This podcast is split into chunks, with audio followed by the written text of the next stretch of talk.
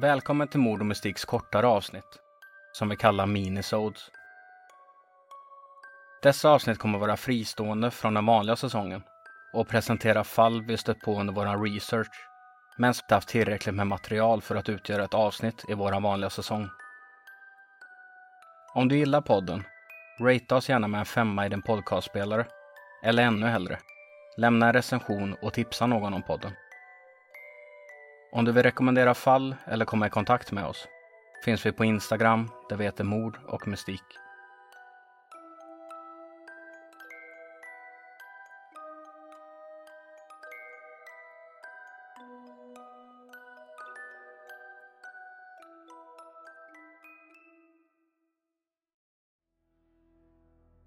År 1945, slutet av andra världskriget. Det amerikanska krigsfartyget USS Indianapolis hade just mött sitt öde i form av en japansk ubåtsattack som sänkt skeppet genom att avfyra två välplacerade torpeder. Men detta var inte slutet. För besättningen som överlevde förlisningen väntade en grym och osannolik utmaning i det kyliga, ogästvänliga vattnet utanför Filippinernas kust.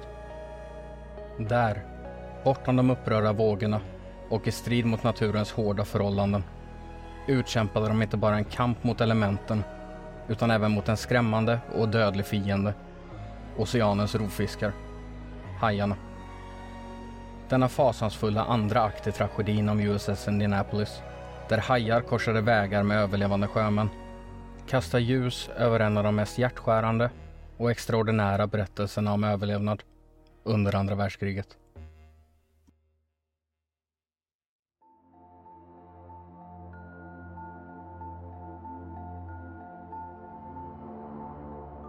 Den 26 juli år 1945 genomförde fartyget USS Indianapolis ett uppdrag som skulle komma att förändra världshistorien genom att leverera komponenter för att konstruera den första atomanordningen. Delarna kom att användas för att sättas ihop till den ökända atombomben Little Boy som några dagar senare skulle detonera i den japanska staden Hiroshima och utplåna runt 80 000 personer på bara några sekunder.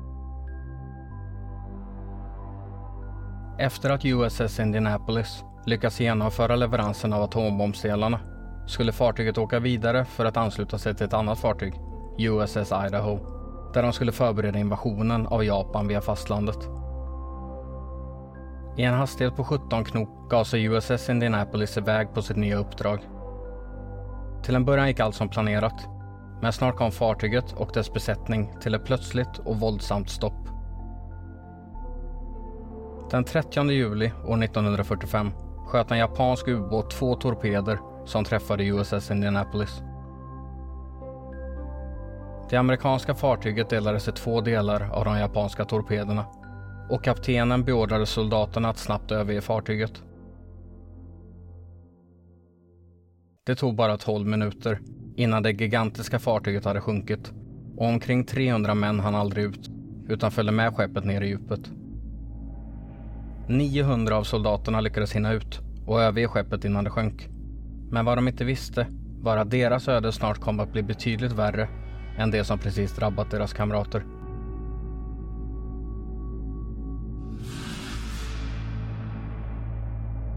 Tolv minuter var den tid de överlevande männen hade på sig att fly från en säker död. 879 militärer överlevde förlisningen av USS Indianapolis men den korta tiden de hade på sig att fly gjorde att de inte hade haft tid på sig att förbereda sig. Därför hade få av männen hunnit ta med sig någon utrustning innan de hoppat i vattnet.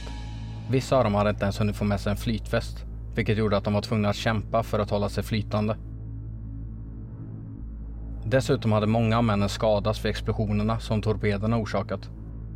Brutna ben och djupa sårskador hade drabbat många av männen och det fanns inget sätt att behandla skadorna i den situationen de nu befann sig i.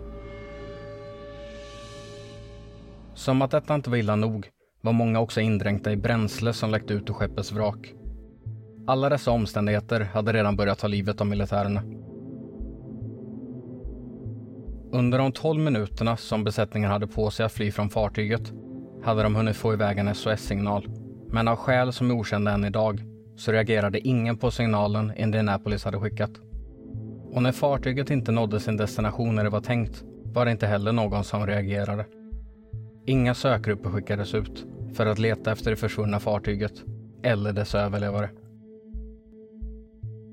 Morgonen efter skeppet förlist låg de hjälplösa männen kvar i vattnet och kämpade för att hålla sig vid liv. De många skadorna som fanns bland soldaterna gjorde att mycket blod hade sipprat ut i vattnet. Något som hade attraherat hajar som nu hade börjat komma för att undersöka. Soldaterna kämpade desperat för att hålla sig i formation i vattnet, att hålla fast i varandra för att på så sätt minimera risken att attackeras av hajarna. Men de starka strömmarna och de höga vågorna i vattnet gjorde att det var svårt att hålla ihop. Så fort någon drivit iväg och därmed isoleras från gruppen följde hajarna efter och gick till attack mot den ensamma, hjälplösa soldaten. Den stora gruppen män kunde inte göra något för att hjälpa till utan bara ligga där i vattnet och lyssna på skriken innan deras stridskamrat drogs ner under ytan.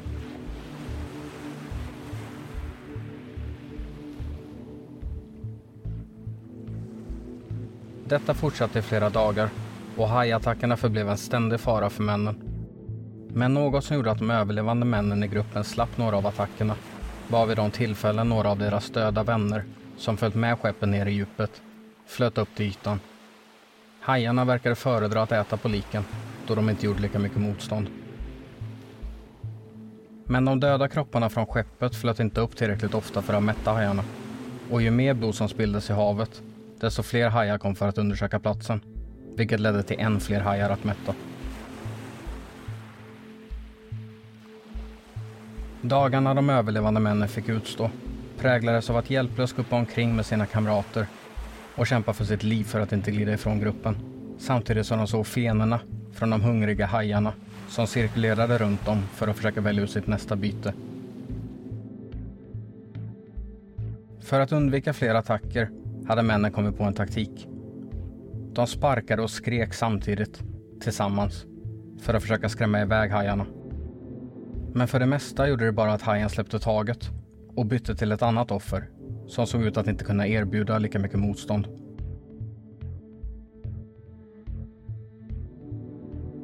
Med tiden verkade hajarna insett hur hjälplösa männen faktiskt var. Vilket ledde till att de inte längre gick till attack direkt och drog ner sitt byte.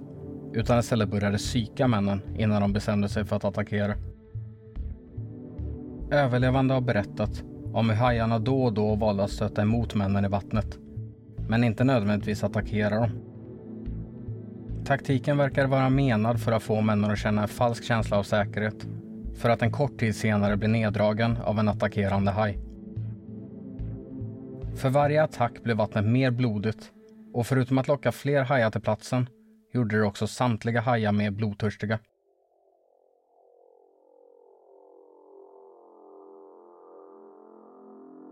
Även om hajarna och deras attacker var det mest omedelbara problemet för de överlevande männen så var det långt ifrån det enda.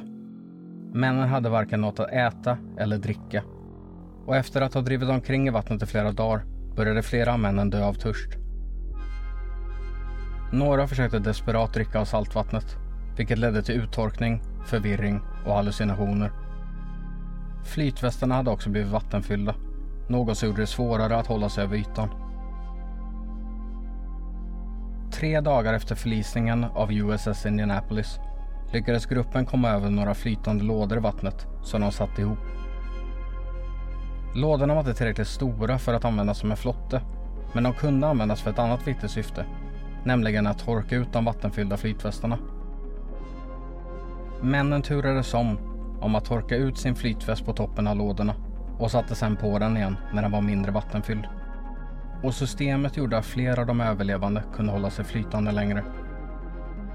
Det visade sig också att lådorna innehöll ruttna potatisar. Något som männen ransonerade noggrant för att hålla sig vid liv så länge som möjligt. Klockan 11 på morgonen den fjärde dagen patrullerade en man vid namn Wilbur Sigwin i ett bombplan och flög över området när han såg en grupp män ligga och guppa i vattnet nedanför honom. Han ringde omedelbart efter hjälp och ett fartyg, USS Cecil, vände om sitt skepp för att rädda de överlevande soldaterna. Trots att fartyget var relativt nära skulle det ändå ta ett tag innan männen kunde räddas. Därför tog man kontakt med en annan pilot som fick i uppdrag att flyga över männen och släppa ner flottar och förnödenheter. När han flög runt i området såg han hur vissa av männen attackerades av hajar. Så han valde att själv använda sitt sjöflygplan för att rädda män som separeras från gruppen och därför riskerade att attackeras. Så småningom blev hans flygplan fullt, men han ville inte lämna männen.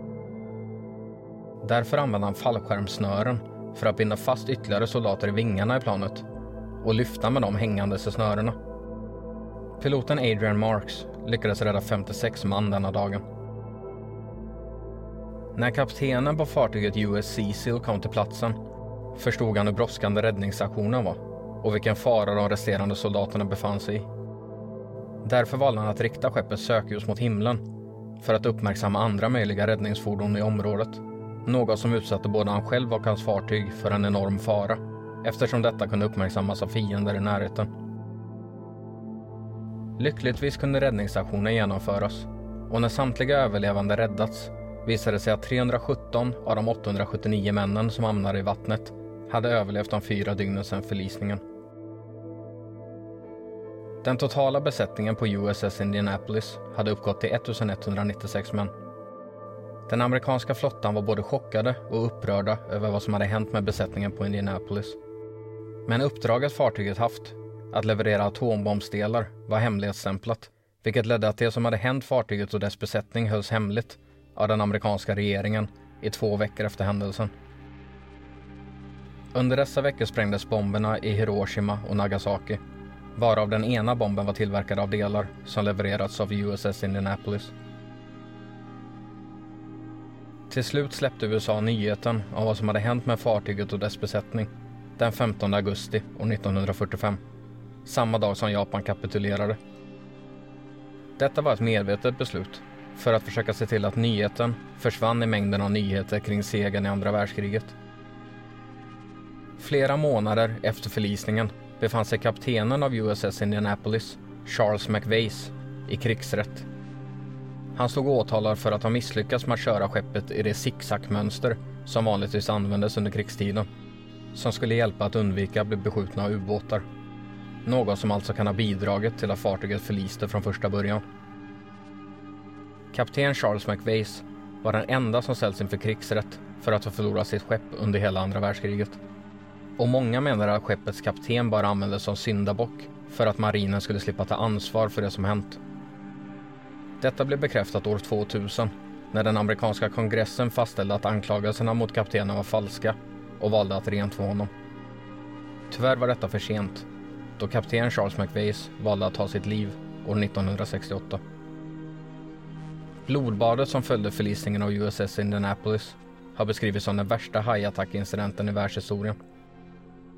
Vid andra hajattacker handlar det oftast om en haj som attackerar människor, vilket gör att antalet offer begränsas, som i ett annat känt hajattacksfall, som kallas The Matawan Man-Eater, när en enda haj attackerade fem personer under loppet av en dryg vecka, varav fyra av offren dog.